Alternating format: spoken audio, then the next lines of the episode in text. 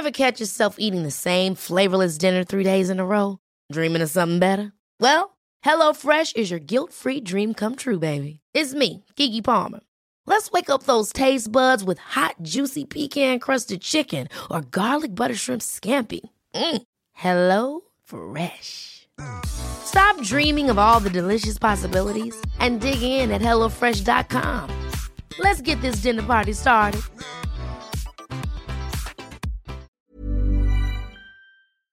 Ukas annonsør i Foreldrerådet er Ekstra. Det er grillsesong. Endelig. Alle dere som har fulgt meg gjennom en lang vinter, vet at jeg har nesten strøket med av kjedsomhet. Men nå kan vi spise ute, vi kan leve ute, vi kan henge ute, og vi kan grille. Ekstra har sitt største grillutvalg noensinne, og hør godt etter nå. Her er en del av grillutvalget deres. Habanero-pølser, salsiccia-pølser, black aged pepper-pølser, cheesy bacon-pølser, beefy burger, cheesy burger, skinny burger, big beefy gourmet-burger, fiskeburger med hvitløk, fiskeburger med bacon, rødbet og søtpotetburger, soppburger, barbecue, grillfilet, svinenakke med oregano og tomat, urtemarinert fårefilet, brisket, eller brisket som det egentlig heter, T-bone steak, flank steak, tomahawk, laksefilet med pesto, laksefilet med sitron, scampi med hvitløk og urter, crispy fiskeburger med ost, kyllingfilet med sitron og urter, kylling overlår, gyros, kyllingspyd, smoke barbecue, lårfilet av kylling og entrecôte. Takk for meg. Dette er bare noen av produktene i Ekstra sitt største grillutvalg noensinne, og kommer bl.a. fra Norges mest prisvinnende grillserie, Grill Perfekt.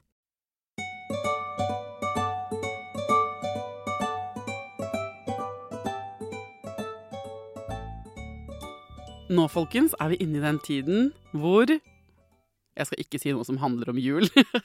Jeg skal si at vi er inne i den tiden hvor det er skikkelig mørkt. Det er skikkelig mørkt og ganske slitsomt å være et menneske, eller hva? Og jeg tror det vi trenger, aka det jeg trenger, er mer av det gode. Hvordan kan vi få mer av den nære, fine tilstedeværelsen? Kjenne at vi lever på en fin måte. Jeg skal prøve dere i denne episoden å skaffe oss alle sammen litt mer hverdagslykke.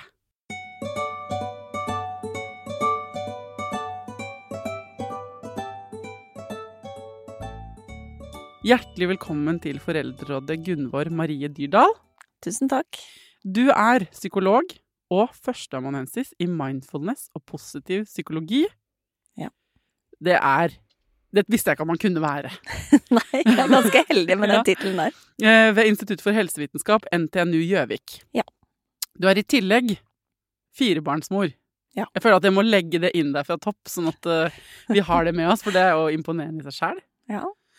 Eh, med barn på 6, 10, 13 og 14 år. Ja. Og så er du her for å lære meg og alle de andre som hører på, om hverdagslykke og lykke. Mm. Eh, hva Hvordan blir vi lykkeligere? Det er jo et veldig godt spørsmål. Det handler jo veldig mye om hva som gir mening i livet, da. Hva vi velger å bruke tiden vår på. Så det er jo alltid interessant å spørre seg selv, liksom, lever jeg etter det som er viktig for meg, eller lever jeg etter det som på en måte samfunnet har sagt at jeg bør, eller noen andre sier at jeg bør, for det er det som skaper lykken?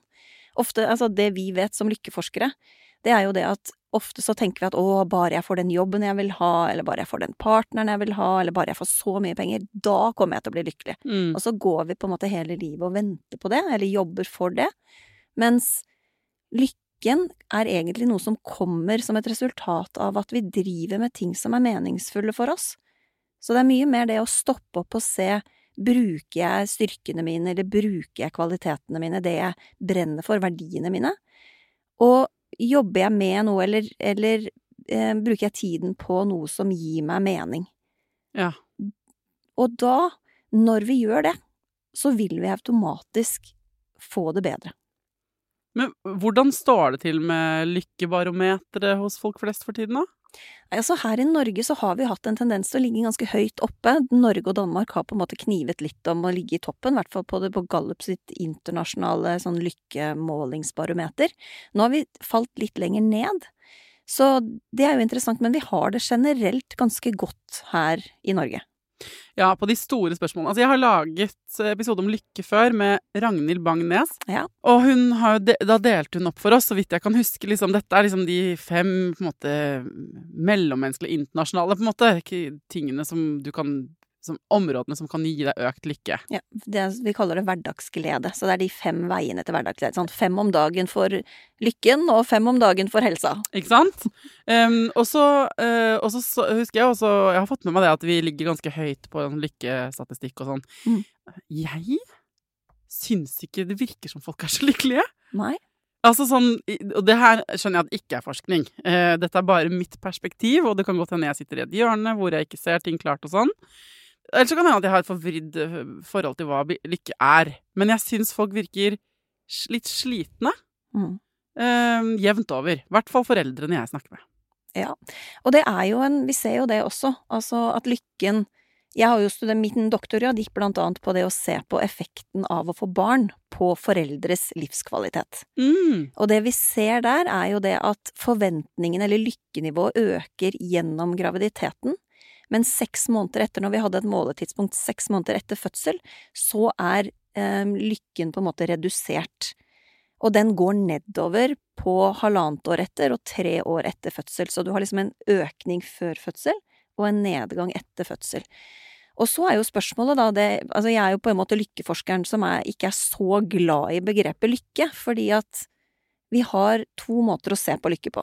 Det ene, eller i hvert fall det, det ene er litt mer den hedoniske lykken, som vi kaller det, dette mer behagslykken, eller det å nytelseslykken. Har du det godt, spiser du god mat, har du det behagelig og godt rundt deg? Mm. Og så er det mer denne strevsomme lykken, som er mer knyttet til dette med mening. Ja. Ikke sant? Eh, Og det vi har sett på mye, og lykke, lykkemålingene, går jo ofte på mer det hedoniske, hvor godt har du det, eller det vi også kaller det livstilfredshet. For lykke i seg selv er et litt sånn vanskelig begrep, fordi i Norge, hvis du bruker begrepet lykke i Norge, så er det et ganske høyintenst emosjonelt ord. Ja. Det er et ganske sånn høyintens Lykke er liksom wow, stå på toppen av fjellet og liksom virkelig kjenne det bruser. Men det er jo en tilstand, og vi er jo ikke i en sånn topp følelsesmessig aktivering hele tiden. Så det vi også da kaller det, hva er egentlig lykke, er det mer den generelle tilfredsheten, eller skal vi kalle det trivsel? I USA eller i Amerika så bruker man jo mer det begrepet happiness, Mm. og hvis vi tenker på lykke og happiness, så er det egentlig to litt forskjellige ting. ja. Så det er også interessant å se når du snakker om ja, hvor lykkelig er du, mener du da den høyintense følelsen, eller mener du hvor godt syns du at livet ditt er? Mm. Eller hva er det du egentlig tenker på når du går og tenker at ja, er foreldre så lykkelige da, liksom? Ja, ikke sant? Jeg tror eh, Ja. Og jeg har ikke noe forskning, altså noe grunnlag, noe forskningsgrunnlag for å si det, annet enn at jeg, jeg syns folk virker som om de på den ene siden sier sånn ja, eh, heldigvis er ungene ganske friske, bortsett fra at det er jo mange som ikke er friske hele tiden, da, men sånn jeg tror Foreldre er veldig sånn her Vi har jobb og hus og uh, alt det der grunnleggende er på plass, men herregud, hverdagen går i et Mm. hakka kjør, Mm. og jeg kjenner bare på at jeg ikke strekker til. Ja. Det er på en måte det jeg skulle oppsummert det, da.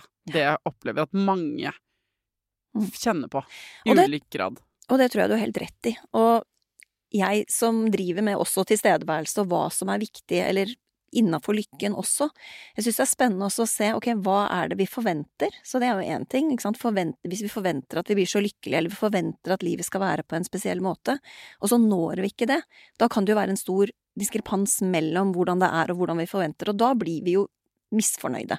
Ja. Og så er det også sånn, bruker vi livet, eller bruker vi tiden vår, på det som faktisk er viktig for oss? Ikke sant? Bruker vi for mye tid på jobb, eller er det for mange aktiviteter? Jeg synes jo, selv om pandemien var krevende, så var det jo ganske mange som opplevde at oi, nå fikk vi mer tid sammen, vi måtte ikke løpe på alle disse håndballtreningene og fotballtreningene og være frivillige her og der. Dette var egentlig ganske godt, det gjorde at tempoet ble Mm. senka på en annen måte, selv om selvfølgelig vi hadde andre utfordringer også. Ja, eh, hvis vi, så det er to faktorer her, da, hvis jeg liksom eh, skal liksom, gjøre det litt sånn systematisk. Det ene er den derre forventninger-realitet, Ja. som er på en måte en fallgruve for lykke. Mm. Og så er det sånn, bruker vi livet på det vi syns er meningsfullt? Mm. Er det sånn som du ser det to på en måte veier inn? Det er i hvert fall viktig å kunne reflektere litt over det. Mm. Fordi at ofte så gjør vi endringer i livet vårt egentlig før vi vet hva problemet er. Eller vi har ikke tatt oss tid nok til å stille oss de spørsmålene hva er det vi egentlig vil, da. Vi bare gjør noe, så håper vi at det blir bra nok. Men hvis det vi egentlig ønsker oss er mer tid med barna, tar vi det, opp? hva skal den tiden brukes til, eller skal vi jobbe så mange timer i døgnet som vi gjør? Igjen så er det livet går i faser, og selvfølgelig, det er ikke alle som nødvendigvis har muligheten til å ta valg om å for eksempel jobbe redusert eller ha en annen type jobb i den fasen som barna er små, men det er også en, en interessant ting å stoppe opp og vurdere, da. Er det riktig at jeg skal gjøre alt dette akkurat nå? Ja, vi, hvis man ikke tar noen uh, særskilte avgjørelser som strider mot noen på en måte liksom, hvis, man, hvis, man, bare følger strømmen, ja. så uh, så er man plutselig inne på en tredemølle som går ganske fort. Det er nettopp det. Og den tredemøllen eh, man følger jo bare strømmen, på en måte. Mm. Og så eh, tenk, er man jo ikke Man har egentlig ikke tid heller til å bare tenke sånn Hva er det jeg egentlig vil? Og hva gjør det alle andre gjør? Ja. Ha barn, eller ja. ha jobb, få barn. Mm. Eh, de begynner på noen fritidsaktiviteter. Det går på en måte sånn gradvis. Og så mm. plutselig så føler jeg i hvert fall at man får Min innboks er full av folk som bare What the fuck happened? Ja. jeg klarer ikke å holde tritt mer. Og så snakker man om dette her å hoppe hamsterhjul, og, og, da er man sånn Men hvordan? Og, og, og det er liksom eh, Ja, for, fordi hvordan? Og det er, det er plutselig et langt lerret å bleke, da. Det er jo nettopp det, og hadde det vært veldig enkelt, så hadde jo flere gjort det. Ikke sant? Mm. Men det er jo nettopp det at det er vanskelig. Og det er vanskelig å gå mot strømmen hvis det er det det krever, da, eller å ta seg den tiden hvis det er fullt opp og alle døgnets timer er booket. Hvordan skal du da klare å gjøre endringer? Det er mm. jo umulig. Fordi at eh, det å gjøre endringer, det å utvikle seg, det er krevende, faktisk. Det å lære nye ting er krevende, å gjøre ting på nye måter er krevende. Og hvis vi egentlig har såpass lite overskudd, da må vi gå på automatikk. Da må vi gjøre det vi kan fra før, som er energisparende, og som vi på en måte har i ryggmargen. Sånn at det å gjøre, velge andre ting, da gjøre nye ting, det krever at vi har litt ekstra både tid og kanskje eh, overskudd til å gjøre de refleksjonene da, som kreves for å kunne ta et valg. Og det er jo det som jeg ser også med mange barnefamilier også, ikke sant, at du kommer inn i en sånn familien AS at man slutter å være kjærester, at man slutter å leke, fordi at eh, dagen går med til å gjøre logistikken på hvem henter og hvem kjører og hvem lager matpakker og hvem lager middag. Mm. Og så, men hvor ble det av det som da er livet, hvis det bare handler om eh, å sjekke av de boksene som er egentlig for å få dagen til å gå rundt, da, mer enn å virkelig sette pris på de tingene også. Det handler jo mye mer om det. Det handler jo om hvor har vi oppmerksomheten vår også. Klarer vi å sette pris på at vi lager den middagen, eller er det bare en to do-greie fordi eh, for å få fora barna, rett og slett, før man skal ut på et eller annet aktivitet? Eller kan det bli en sånn la oss være sammen og lage dette sammen? Men igjen, som, som, mor selv så vet jeg jo det at å ha med seg barn på sånne aktiviteter tar også mer tid, så det er mye mer effektivt hvis jeg gjør det selv. Ja, det kan være min uh, tid for å høre på podkast med headset. Ah, yes. Men ikke sant, for um, det dukker opp allerede noen slags sånn fall Sånn groper på hver side av skalaen. Mm. Det ene er at jeg tenker uh, ja, fy fader, det å ikke kjenne etter i det hele tatt, og ikke uh, bare løpe på den tredemøllen helt til du er helt utslitt, det er det ene, liksom. Ja. Uh, du kan havne helt på den sida. Mm. Og så tenker jeg også, på den andre siden, så kan jeg føle sånn Å ja, nå skal jeg i tillegg være veldig lykkelig. Jeg skal ikke bare lage disse matpakkene og holde på med dette og la hverdagslivet, familien AS, være kaotisk, da. Som for så vidt går fint for meg. Hvis man hører på det tenker sånn, jeg syns det går greit. Mm. Men nå, men nå ber uh, psykologen her om å, om å, stoppe og kjenne sånn Er jeg egentlig lykkelig? Og hvis man stiller seg det spørsmålet for mange ganger, så blir man jo lykkelig, på en måte, kanskje. Ja. Så, så, det derre uh, Hvordan finne den balansen? Få tatt liksom Stukket fingeren i jorda mm. uh, i første omgang, da. Ja, og igjen, jeg er ikke så glad i dette begrepet lykke nødvendigvis, ikke sant, fordi selv om jeg snakker med journalister og andre liksom, som gjerne vil ha den derre fem veier til lykke, og vi har jo dette hverdagsgledebegrepet, sant, men det er kanskje ikke det som er målet. Målet er kanskje ikke det å være så innmari lykkelig, men målet er å leve et liv som oppleves bra. Så det er vel mer den, ikke at du skal gå og sjekke hele tiden er jeg lykkelig nå, er jeg så ulykkelig nå, men mer når du kjenner at det er en stein i skoen her, det er et eller annet som skjer, eller du opplever å bli utbrent, eller det er andre ting, så er kanskje det tegn på at hm, kanskje jeg må stoppe opp og liksom sjekke kursen nå. Mm. Eh, har jeg kjørt på samme skriptet som jeg har gjort i alle år, og kanskje det ikke funker lenger? Kanskje jeg må oppdatere et eller annet, gjøre ting på en annen måte fordi at jeg trenger noe annet nå?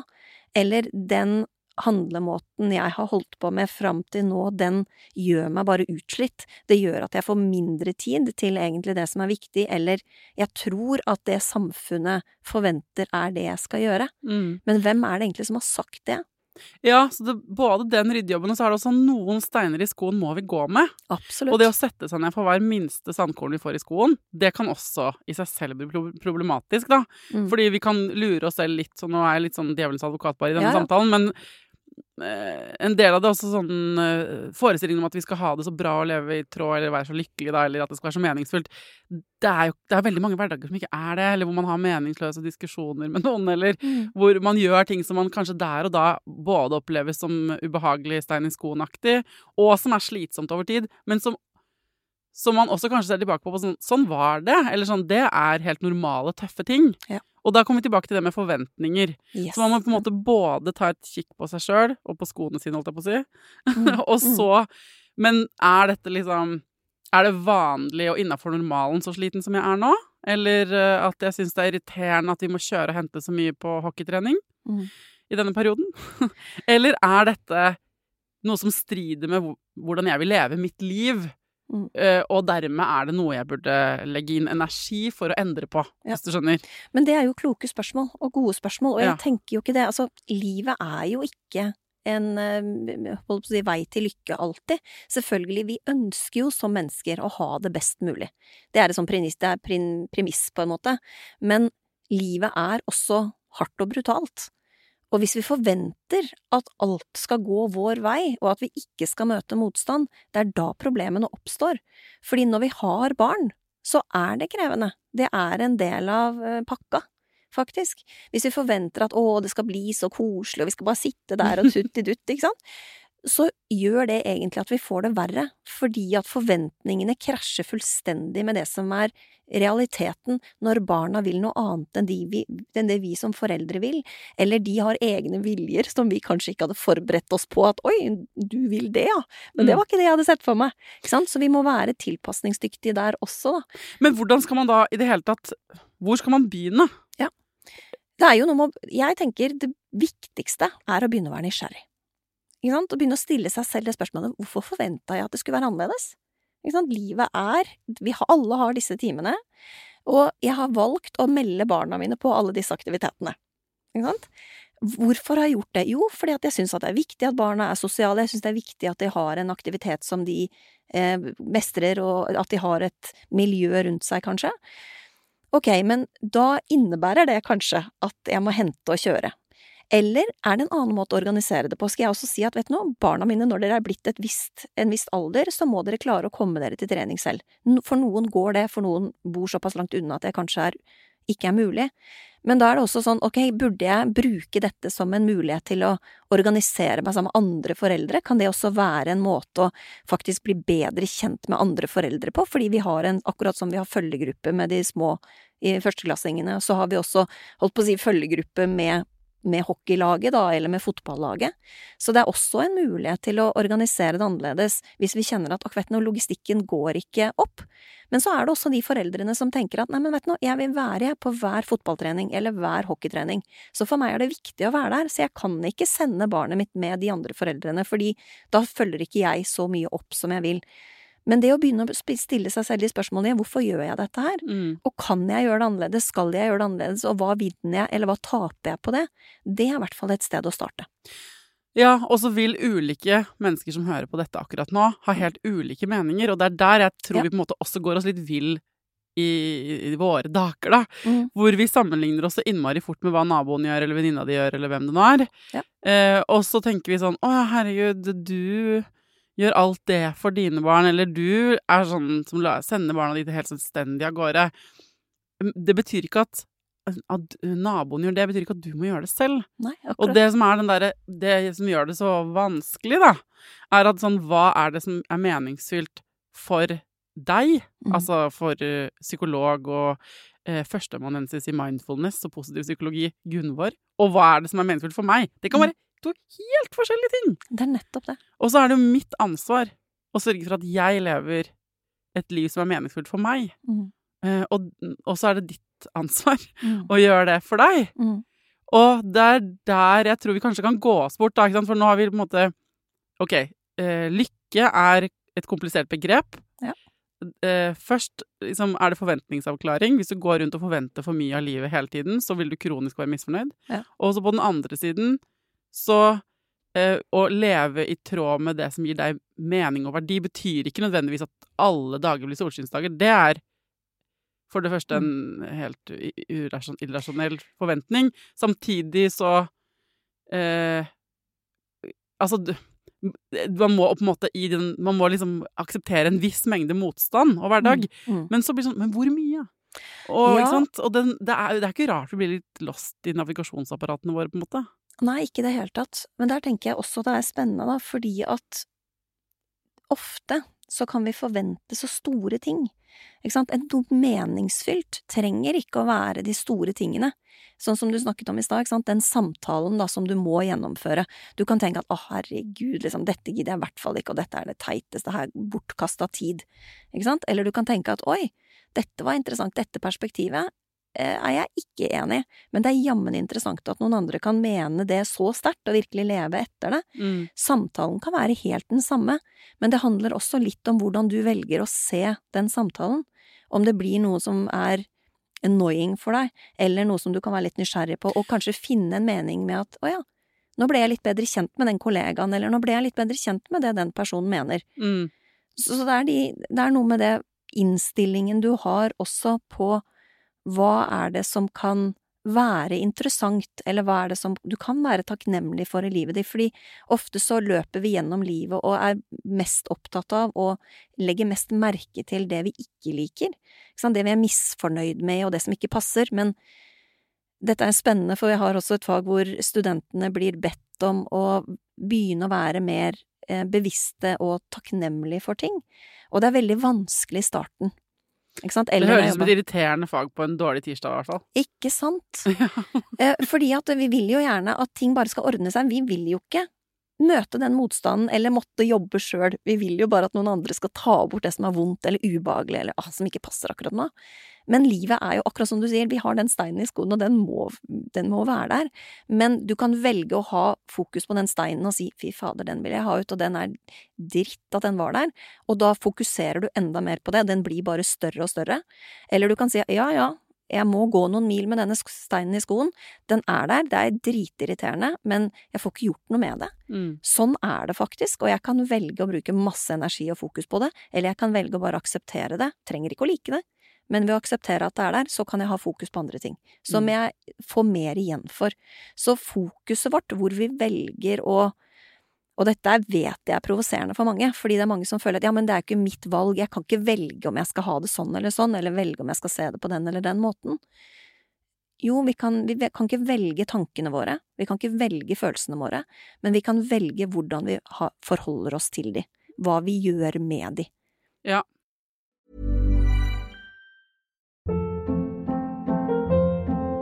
Hold up. What was that? Boring. No flavor. That was as bad as those leftovers you ate all week. Kiki Palmer here, and it's time to say hello to something fresh and guilt-free. Hello Fresh. Jazz up dinner with pecan-crusted chicken or garlic butter shrimp scampi. Now that's music to my mouth. Hello Fresh. Let's get this dinner party started. Discover all the delicious possibilities at hellofresh.com.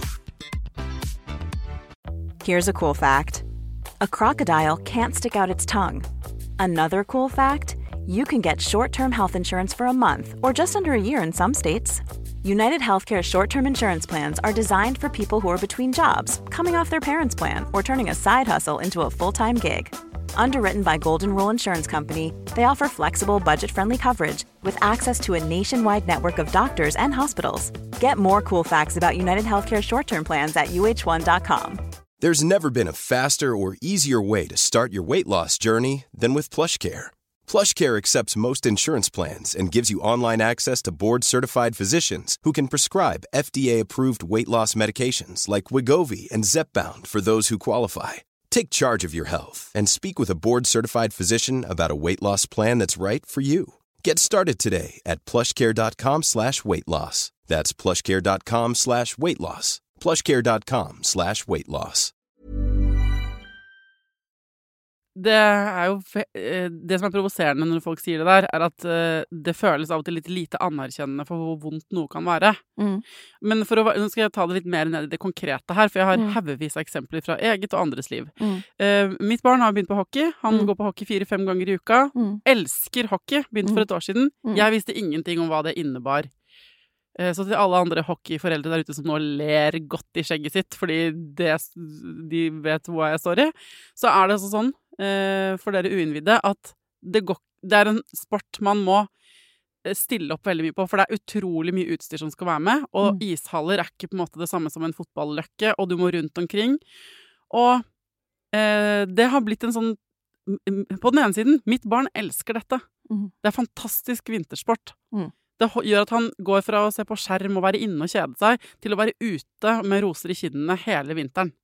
Det er dritbra. Og Mm. laget er kjempebra. Altså, det er bare positive ting. Mm. Det betyr at jeg må sitte i fuckings ishaller fra august til mai. Uh, og jeg kan selvfølgelig bruke den tiden til noe annet, men her har jeg måttet ta en skikkelig reframing, apropos som du sier. Mm. Jeg kan selvfølgelig velge å melde han av, eller prøve å organisere med andre foreldre. Disse Mm. veiene har jeg testet ut, eller Mm. sånn. Velge han av, ikke et alternativ enda. Mm. Det er veldig gøy for han. Eh, jeg kan, det å organisere med andre foreldre prøvd, det går ikke noe særlig. Mm. Og da står vi igjen da, med sånn, hvordan skal jeg da forholde meg til dette? Ja. Hvordan kan jeg gjøre? Og det har vært en kamp, en indre Det er fortsatt tidvis en indre kamp. Ja, ja. Men da er det jo det du sier, få tak i et sånn, ok, hva er det jeg kan forandre? Hva er det jeg ikke kan forandre? Hva er det jeg har bestemt meg for å ikke forandre? Ja. Og hva kan jeg da, hva står jeg igjen med? Mm. Hvilke ingredienser kan jeg mikse? Mm. Og da er det jo nettopp liksom holdningen min til å sitte i den bilen, Mm. eller eh, henge opp de hockeyutstyret Altså hvis ikke du har luktet et pubertalt hockeyutstyr, så har du ikke lukta noe, liksom. Eh, Hvordan kan jeg forholde meg til alle de tingene der? Mm. eh, på en måte som ikke er, i, som har, som ikke er altfor høye forventninger til meg selv. For jeg kan jo si sånn Åh, jeg skal elske det samværet. Det der helt romantiserte synet på det. Mm. Da feiler jeg. Mm. For det klarer jeg ikke. Nei. Men kan jeg finne en middelvei? Og det er det du mener. Her- Ja. Det er akkurat det jeg mener. Og jeg syns det er så fint at du sier det, for det er jo akkurat det der dilemmaet vi står i, ikke sant. Mm. Så jeg blir jo nysgjerrig på har, hvordan har du hånd, altså, angrepet det? Hva har du funnet ut at er din forklaring, eller Altså, nå, så langt så har jeg nå gått all in på å bli kjent med de andre foreldrene som jeg uansett Ja. har hengt med i den hallen. Og Ja. de viser seg å være superbra. Altså, Mm. herregud, det er så hyggelige folk på det laget. Og så eh, må jeg si at det er mye morsommere å se på selve sporten hockey. Det syns jeg er ganske morsomt. Mm. Jeg har også innvilget meg et ekstra klesbudsjett til å kjøpe fine vinterting veldig tidlig på året, sånn at jeg at jeg, jeg har fått en ny dunkoppe som jeg er veldig fornøyd Altså sånn at det føles litt bra, hvis du skjønner. Ja, ja. Um, og så har jeg tenkt at jeg kommer til, og det er jo, og så er det en annen der, jeg kommer til på et tidspunkt om ikke så mange år, for nå blir han 13, Mm. til å se tilbake på den tiden hvor han trengte meg. Mm. Og det har folk sagt til meg når, jeg var, altså når barnet mitt var yngre, har jeg tenkt sånn, herregud, det er jo altfor lenge til til at jeg klarer å motiveres av det. Mm. Men nå tenker jeg sånn, jeg kan se det der komme, at Mm. han på en måte blir så selvstendig at ikke jeg trengs noe særlig. Og derfor så gjør det meg litt sånn sånn derre Det gir det ekstra verdi, da, de lille stundene vi har, på en måte. Ja.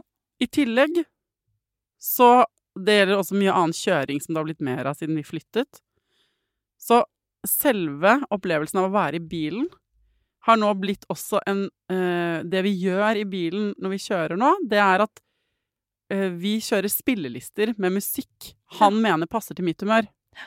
Så det har blitt en ting vi gjør, som er ganske gøy. Men tenk deg det, da, hva dere har klart å skape sammen ut ifra en situasjon som du egentlig kjente at ah, dette har jeg jo ikke lyst til. Ikke? Så dere har allerede i det, da, ved at du aksepterer at ok, jeg kommer ikke til å melde han av, så er liksom alternativet ok, skal det være kos med misnøye, skal jeg bare fortsette å hate det, eller må vi finne en eller annen måte å håndtere det på? Mm. Og der har dere klart å lage deres egen greie, du har et et klesbudsjett. Fantastisk. Ikke sant? Fordi det er iskaldt i disse hallene. Mm.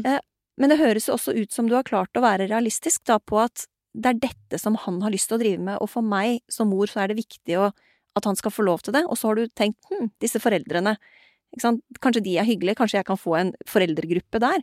Også det spørsmålet som du stilte i stad, som jeg tenker er veldig relevant, det betyr jo ikke det at du ikke skal få anerkjent også at det er noe dritt. Det kan være begge deler. Det kan både være dritt om å ha, stå i en sånn situasjon, men samtidig kan du også finne en eller annen mening hvis dette her er virkeligheten, da, istedenfor å fortsette å avvise den eller fortsette å hate den, så må du prøve å, å forholde deg til det på en måte som gjør at det, du finner noe mening i det, eller noe glede i det, eller en måte å forholde deg i hvert fall til at ok, dette er virkeligheten akkurat nå.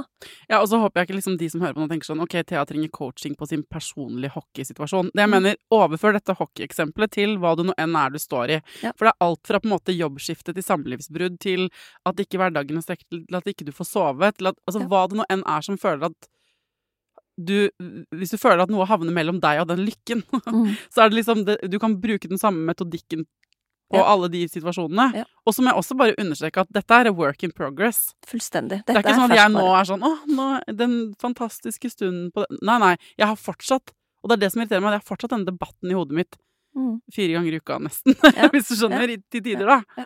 Men, men dette overført på andre ting i livet, er det den bevisstheten du mener at vi alle burde ta oss mer tid til? Ja, det er jo nettopp det.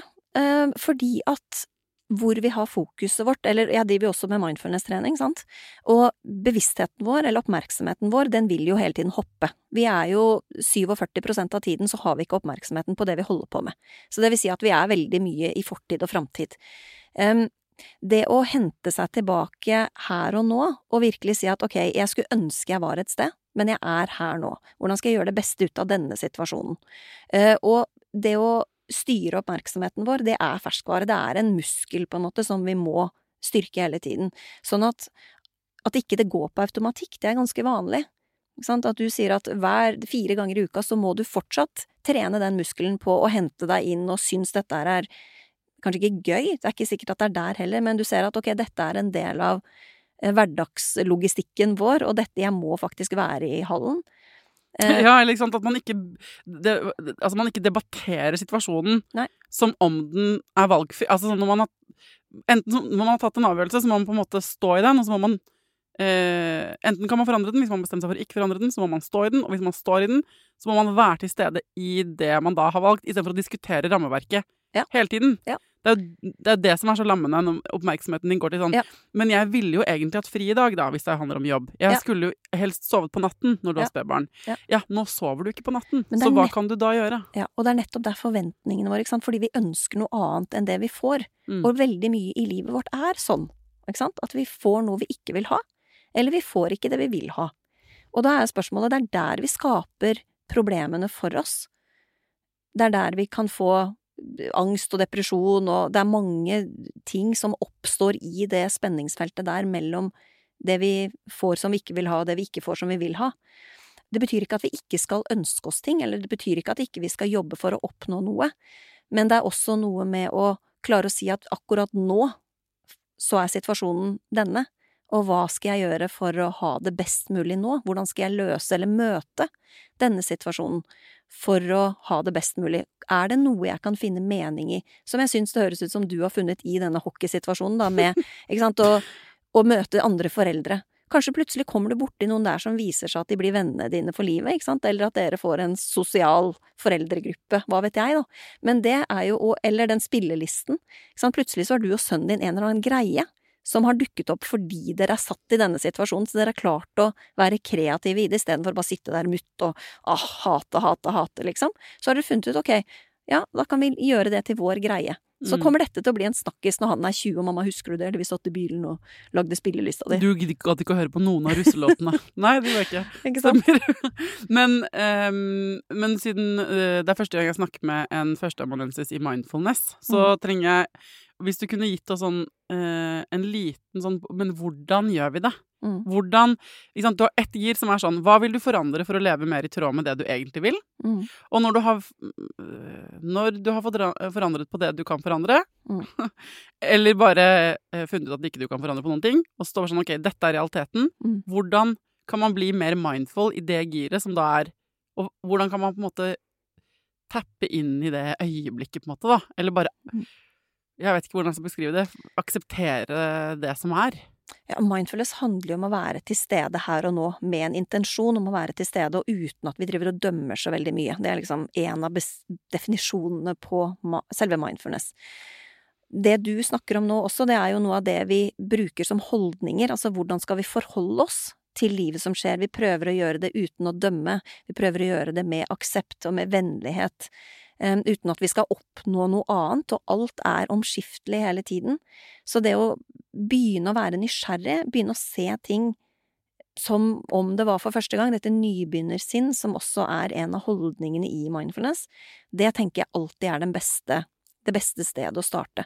Men hvordan gjør man det helt konkret? Folk som hører på nå, det er en Mm. mandag, de er kanskje på vei til eller fra jobb. Så eh, de har en pause mellom livet sitt på jobben og livet sitt med ungene, da. Mm. Det er kjempe, et kjempefint mellomrom, fordi i den overgangen fra jobb til hjemme, så kan det være en invitasjon til å bruke ett minutt eller to, eller til og med kanskje tre, på å legge bort jobb. Så det å egentlig bare kjenne kroppen sin, og mange tenker at å, skal jeg bare tenke på kroppen min? Invitasjonen er egentlig å prøve å kjenne, og virkelig kjenne at du sitter i stolen sånn som vi gjør nå. Og se hva er det, hvis du trenger en tid til å bare gå igjennom, ok, hvordan har denne dagen vært på jobb, hva er det som henger, hva er det jeg har fått avsluttet, eh, og kanskje hva er det jeg trenger å ta med meg fra dagen i dag. Bruke et par minutter bare på å gjennomgå det, og si ok, nå har jeg reist fra jobb, det er ingenting på jobb jeg får gjort noe mer med nå, så nå prøver jeg å legge det bort.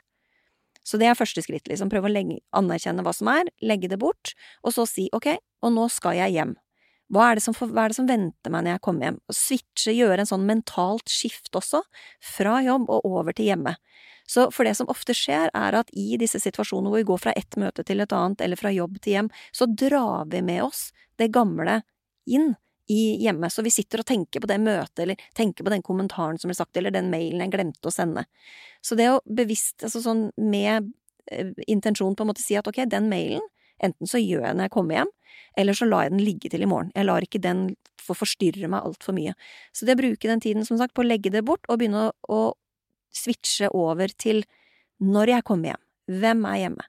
Hvem skal jeg si hei til? Hvem er det som gleder seg til å komme hjem? Hva er det jeg gleder meg til? Hva er jeg, hva er det vi skal gjøre denne ettermiddagen? Og hvor er jeg? Hvor sliten er jeg? Hvor full, full av energi, eller lav på energi? Er det noe jeg trenger nå? Trenger jeg å bare ta meg to minutter og få puste. Det er ikke alltid nødvendigvis vi kan legge oss og ta en powernap, noen gjør det, men bare å vite at ok, jeg er litt sliten nå, hodet koker litt, eller åh, jeg har egentlig masse energi, for i dag har vært en super dag, jeg har fått masse gode tilbakemeldinger, jeg har fått gjort unna masse det, så nå kjenner jeg at jeg har egentlig masse energi. Det kan man også komme hjem med noen dager, og det bare vite det at ja, der er jeg, kobler jeg meg på meg selv, og så kan jeg møte de som er hjemme, og etter resten av ettermiddagen, men det derre bevisste mentale skiftet, så ikke vi drar med oss for mye fra det ene stedet til det andre. Det kan være veldig godt for foreldre som hører på nå, som er akkurat i den derre mellomfasen. Ja, jeg, jeg ser dere alle sammen der dere sitter i bilen utenfor barnehagen og tar dere en liten stund. Mm. Eller eh, at ungene har sprunget ut av bilen og inn hjemme, Mm. og eh, du parkerer bilen utenfor, og så blir man sittende litt i bilen før Ja. man går inn i neste akt. Og det du gjorde nå, ta deg det pustet, eller til og med to til, og få lov å puste ut. Det å, ikke sant, tell til ti, det er ikke så dumt, det. Det gir oss det lille pustet, eller den lille liksom pausen, til å la ting få lov å gå, før vi reagerer på ryggmargsrefleksen. Mm. Det sant? Ungene løper inn, og du har lyst til å bare «Å, vent, eller ikke sant, et eller annet. Ho, kan jeg roe meg ned, så jeg kan møte det med en litt mer avbalansert På en litt mer avbalansert måte, kanskje. Har du noen eh, på tampen andre triks til hverdagslykke, da? Mer av det, liksom? Fokuser på det du vil ha mer av. Hva er det du setter pris på? Hva er det du setter pris på med barna dine, med partneren din, med jobben din? For det vi vet, er at det vi fokuserer på, det får vi mer av. Mm. Så hvis du er god til å stresse, og du er god til å være misfornøyd, så får du mer av det. Men er du god til å være takknemlig, er du god til å si takk, er du god til å finne de tingene, legge merke til de tingene som du setter pris på, så vil du se mer av det. Det er akkurat som når du kjøper bil. Du har bestemt deg for merket og fargen, ikke sant? Plutselig så ser du de bilene overalt. Og det betyr jo ikke at det plutselig fra en dag til den neste, bare fordi du har bestemt deg for hvilken bil du skal ha, så har det plutselig blitt mange flere av de. Det handler om hvor oppmerksomheten vår er. Og det samme som når du er gravid, ikke sant, plutselig så ser du gravide damer overalt. Men det er jo bare fordi at fokuset ditt er på de tingene, så innertieren er fokuser på det du vil ha mer av. Og så kan tankene dine kanskje si sånn Men jeg har ikke tid til det. Nei, vet du hva? Vi gjorde på ferie her. Vi hadde en dag på stranden, min kjæreste og jeg. Og så har vi jo også et stappa Samtalen begynte med alt det vi ikke får tid til, og alt det der vi skulle ønske Altså sånn den vanlige hverdagen AS-samtalen på ferie. Mm. Og så kom vi på at skal vi ikke bare skrive en, på notatet på mobilen en ønskeliste om hva vi gjerne skulle hatt mer av? Ja. Så vi lagde et notat som var sånn Helt sånn her Det var sånn ønskeliste. Som skulle skikkelig ønske jeg kunne sove mye lenger noen dager. um, mer god søvn. Mer bading i badekar. Ja. Bare sånn Mer reise bort, du og jeg. Ja. Mer Jeg skrev jeg vil ha mer kontakt med dyr. sånn. Men bare den notatslisten har på en Ja. måte løftet det opp. Yes. Det er jo ikke sånn at det blir sånn et vakuum i hverdagslivet hvor det bare Å ja, nå kan jeg plukke opp den listen. Nei, men det, det sklir inn mellom Håper jeg, da, etter hvert. Mellom alle de andre tingene som ikke er så gøye. Mm.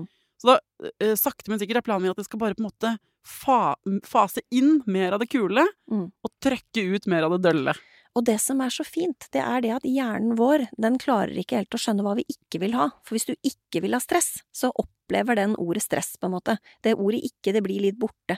Så ved at Mm. du sier hva du vil ha mer av, så blir det veldig lett og konkret for på en måte hjernen og fokuset ditt å se, lete etter de tingene også. Så det er en kjempefin ting. Oppfordrer alle til å gjøre det. Hva vil du ha mer av? Fordi at det, det å ha å vil ha mer ro, det betyr ikke nødvendigvis mindre stress. Det er ikke sånn at hvis vi, hvis vi får mindre stress, så får vi autome, automatisk mer ro. Nei. Så det er mye viktigere å være spesifikk på hva du vil ha mer av. Så det der er, heier jeg på. Mer av det. For å prøve å oppsummere, da, så er det sånn at for å Altså, lykke dere, det er både et litt sånn vanskelig begrep, litt ullent, ehm, eh, og så er det samtidig noe vi alle er enige om at det er digg og vil ha mer av. Uh, og for å finne Få mer lykke i livet ditt, så må du uh, kanskje ta en runde på? Det du trenger, er å leve mer i tråd med det du som gir deg mening. Og det kan være helt vidt forskjellige ting som gir oss mening. Så da må du en, innføre en bevissthet, bare ta en runde i livet. Hva er det som gir deg mening? Hva er det du liker? I hvor stor grad lever du i tråd med det? Og så ser du kanskje noe med en gang. Ja, nei, ikke nok. Det blir bare i sommerferier og helger. Nei, er det noe du da kan gjøre eh, i hverdagen, helt konkret, for å skaffe deg mer tid til det? Kanskje er det noen ting du kan kutte ut. Så når du har ryddet ferdig, mellom sant, fritidsaktiviteter og jobb og alt det du ikke får rydda vekk, kanskje, da, så er det sånn, da står du igjen med kanskje ikke alt på ønskelisten, men du står igjen med noen ingredienser. Og da er det liksom aksept, for dette var det jeg sto igjen med akkurat nå. Mm. Og hvordan kan jeg da, både med det som er fint og det som er dritt, ikke drive og debattere hvorvidt jeg burde hatt det sånn, men akseptere at det fins, og velge en holdning som er hensiktsmessig i forhold til de tinga. Og så er det jo viktig å nyte litt òg, da. Ikke sant? Så den hedoniske lykken vi skal ikke se, Nå snakka vi mye om dette med mening, som er mer det eudaimoniske. Ja. Men dette hedoniske, det å få lov til å nyte det glasset med vin, eller den morgenkaffen, eller jeg elsker at du sier dette her. Ja, ikke sant? For det er også lykke. Så de Ja. små øyeblikkene, og virkelig være til stede i dem, og tillate seg å nyte det. Fordi at til syvende og sist så er livet en rekke små øyeblikk. Altså, nå skal jeg sitere min avdøde far, som sa noe som har festet seg i meg, men som eh, jo på mange måter er litt sånn usympatisk på, da. Men han sa sånn Han var veldig glad i shopping. Så sa han sånn Du skal ikke undervurdere lykken ved forbruk, vet du. Mm. Og så sa jeg sånn Men det er ikke sånn men, Jeg var litt sånn miljøvernsaktig og sa sånn Men det er ikke noe bra å drive og shoppe masse. Han bare Men vet du hva som er enda dummere enn å shoppe? Det er å shoppe og så ha dårlig samvittighet. Mm. Hvis du først skal kjøpe noe, Mm. om det er det ene eller det andre Hvis du først skal kjøpe det, skal du kose deg glugg med at du har kjøpt det. Mm. Og det tenker jeg ofte på om det er å kjøpe noe, eller om det er å ta en ferie, eller å spise en sjokolade, eller drikke et glass vin.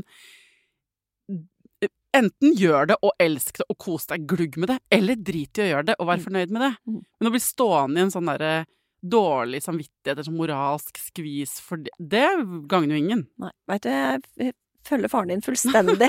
Så det er noe med det også, ikke sant. Hvis du kjøper noe som du virkelig vil ha, så er det noe med å hver gang du bruker det, hver gang du tar det opp, og virkelig nyte at oi, jeg er så glad for denne tingen, fordi at da tilpasser vi oss ikke heller. For det er det som ofte skjer, ikke sant, at vi får en ting, og så er, blir det en vane, og så tar vi det for gitt. Men hvis du hele tiden, hver gang du bruker den, altså faktisk unner deg det, og sier jeg er så glad for at jeg kjøpte meg akkurat dette, Jeg koser meg sånn med denne. ikke sant? Da varer lykken over tid. Ja. Og hvis den ikke varer lenge òg, da fikk du litt av den. Altså, det er noe med det. Det er, det er ikke så mange sånne øyeblikk med, med lykke det er ikke, De kommer jo ikke nødvendigvis på løpende bånd, sånn at når du får det, kos deg glugg med det, liksom. Mm. Ja, tusen takk for at du kom til Foreldrerådet, Gunvor. Tusen takk for at jeg fikk lov å komme.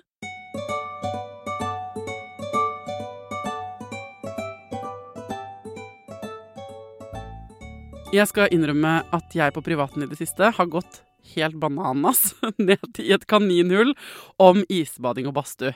Så jeg kan bare si at liksom det eh, jeg eh, nå Det ser ut som jeg kommer til å belage meg på denne vinteren. Det er å få bygget og jeg tror vi må gjøre det selv, en badstue i hagen, sånn at jeg kan ha sånn aufguss tre ganger i uken, og skaffe et gammelt badekar på Finn som kan stå ute, som jeg kan fylle vann i, og en isbad Så det er et helt prosjekt. Og jeg har gått så all in, ikke sant. Jeg har sett uh, sikkert 30 YouTube-videoer om hvordan bygge sin egen badstue. Jeg har vært på forskjellige byggvarehandler og snakket med karer i arbeidsbukser og engasjert meg altså så mye. Jeg har 100 søk oppe på Finn. Det er en desperat uh, jakt på hverdagslykke i form av badstue. Så der hvor det var høner i våres, så er det altså badstue som er mitt nye Min nye greie, da. Eh, Så får vi se. To be continued. Kanskje vil det gi meg mer av det gode tilstedeværelse og lykke. Kanskje ikke. Kanskje blir dette også en ting på to do-listen. Um, ja, vi får vente og se. Eh, Hvis du har temaer du vil at jeg skal finne ut av i denne podkasten, som omhandler dette med å ha barn, da, eller kjæreste, eller bare eh, et familieliv, send meg tips eh, til hvem du vil at jeg skal intervjue, eller hva du vil jeg skal finne ut av. Takk for alle meldinger i innboksen. Hvis jeg ikke rekker å svare deg i julestria, mas på meg. Jeg blir aldri sur, jeg blir bare glad. Tusen takk for at du hører på. Til neste gang, ta vare på deg sjæl, ta vare på ungen din, og lykke til.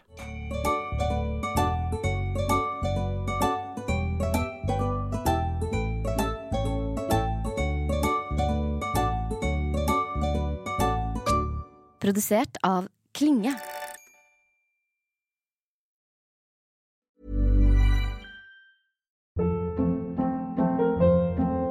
Hold up. What was that? Boring. No flavor. That was as bad as those leftovers you ate all week. Kiki Palmer here, and it's time to say hello to something fresh and guilt-free. Hello Fresh. Jazz up dinner with pecan-crusted chicken or garlic butter shrimp scampi. Now that's music to my mouth. Hello Fresh. Let's get this dinner party started. Discover all the delicious possibilities at hellofresh.com.